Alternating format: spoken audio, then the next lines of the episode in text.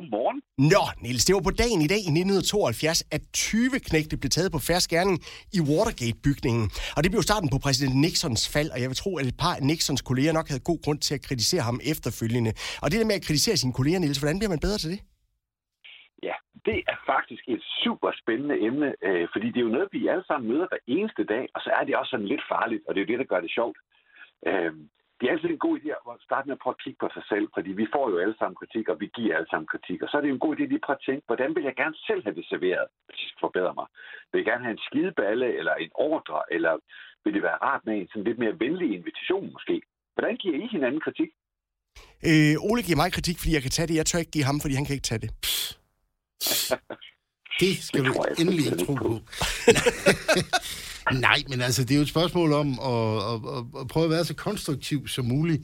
Øh, Søren er en sart sjæl, og kan jo ikke øh, så godt tage det, hvis øh, det bliver alt for personligt. Så, og sådan tror jeg, der er mange, der har det. Ja, jamen det, det er fuldstændig rigtigt, og det er jo faktisk lige præcis det. Øh, fordi det, man skal huske, når vi går på arbejde, det er jo, så er det jo fordi, vi skal lykkes med noget sammen. Og så behøver det faktisk slet ikke blive hverken personligt eller dramatisk. Man skal prøve at tænke på det som et skridt til at blive bedre sammen, i stedet for at tænke på det som et angreb eller et forsvar.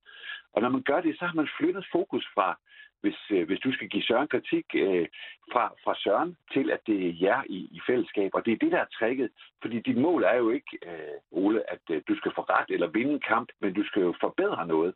Og på den måde får man indstillet kompasset rigtigt. Og nu skal, så kan man begynde at stille nogle gode spørgsmål, øh, som man kan tage imod uden at tabe ansigt. For det er der, det går galt. Det er, hvis man føler, at nu bliver man trådt på, så er man nødt til at angribe tilbage.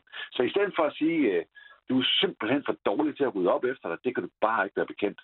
Så kan man i stedet for sige, vi har jo lovet hinanden, at vores studie det skal være ryddet pænt, når vi går hjem. Det får du ikke altid gjort, Søren. Hvad kan vi gøre ved det? Der vil jeg lige sige, jeg synes, du skal prøve at se Oles spor nu i modsætning til mit.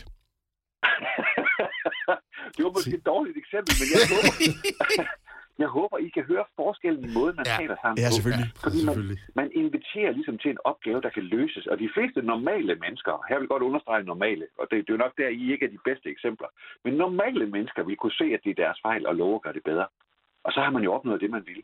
Ikke at få ret, men at få sin vilje. Mm. Det er faktisk meget godt. Det er meget godt. Jeg hørte faktisk en sige for nylig, øh, et, en god ting, man kan gøre, hvis, øh, hvis folk ikke tager imod kritik og holder på, på deres, hvis du for eksempel kommer med et argument, det er at sige til dem, jeg kan godt give dig ret nu, men så tager vi begge to fejl.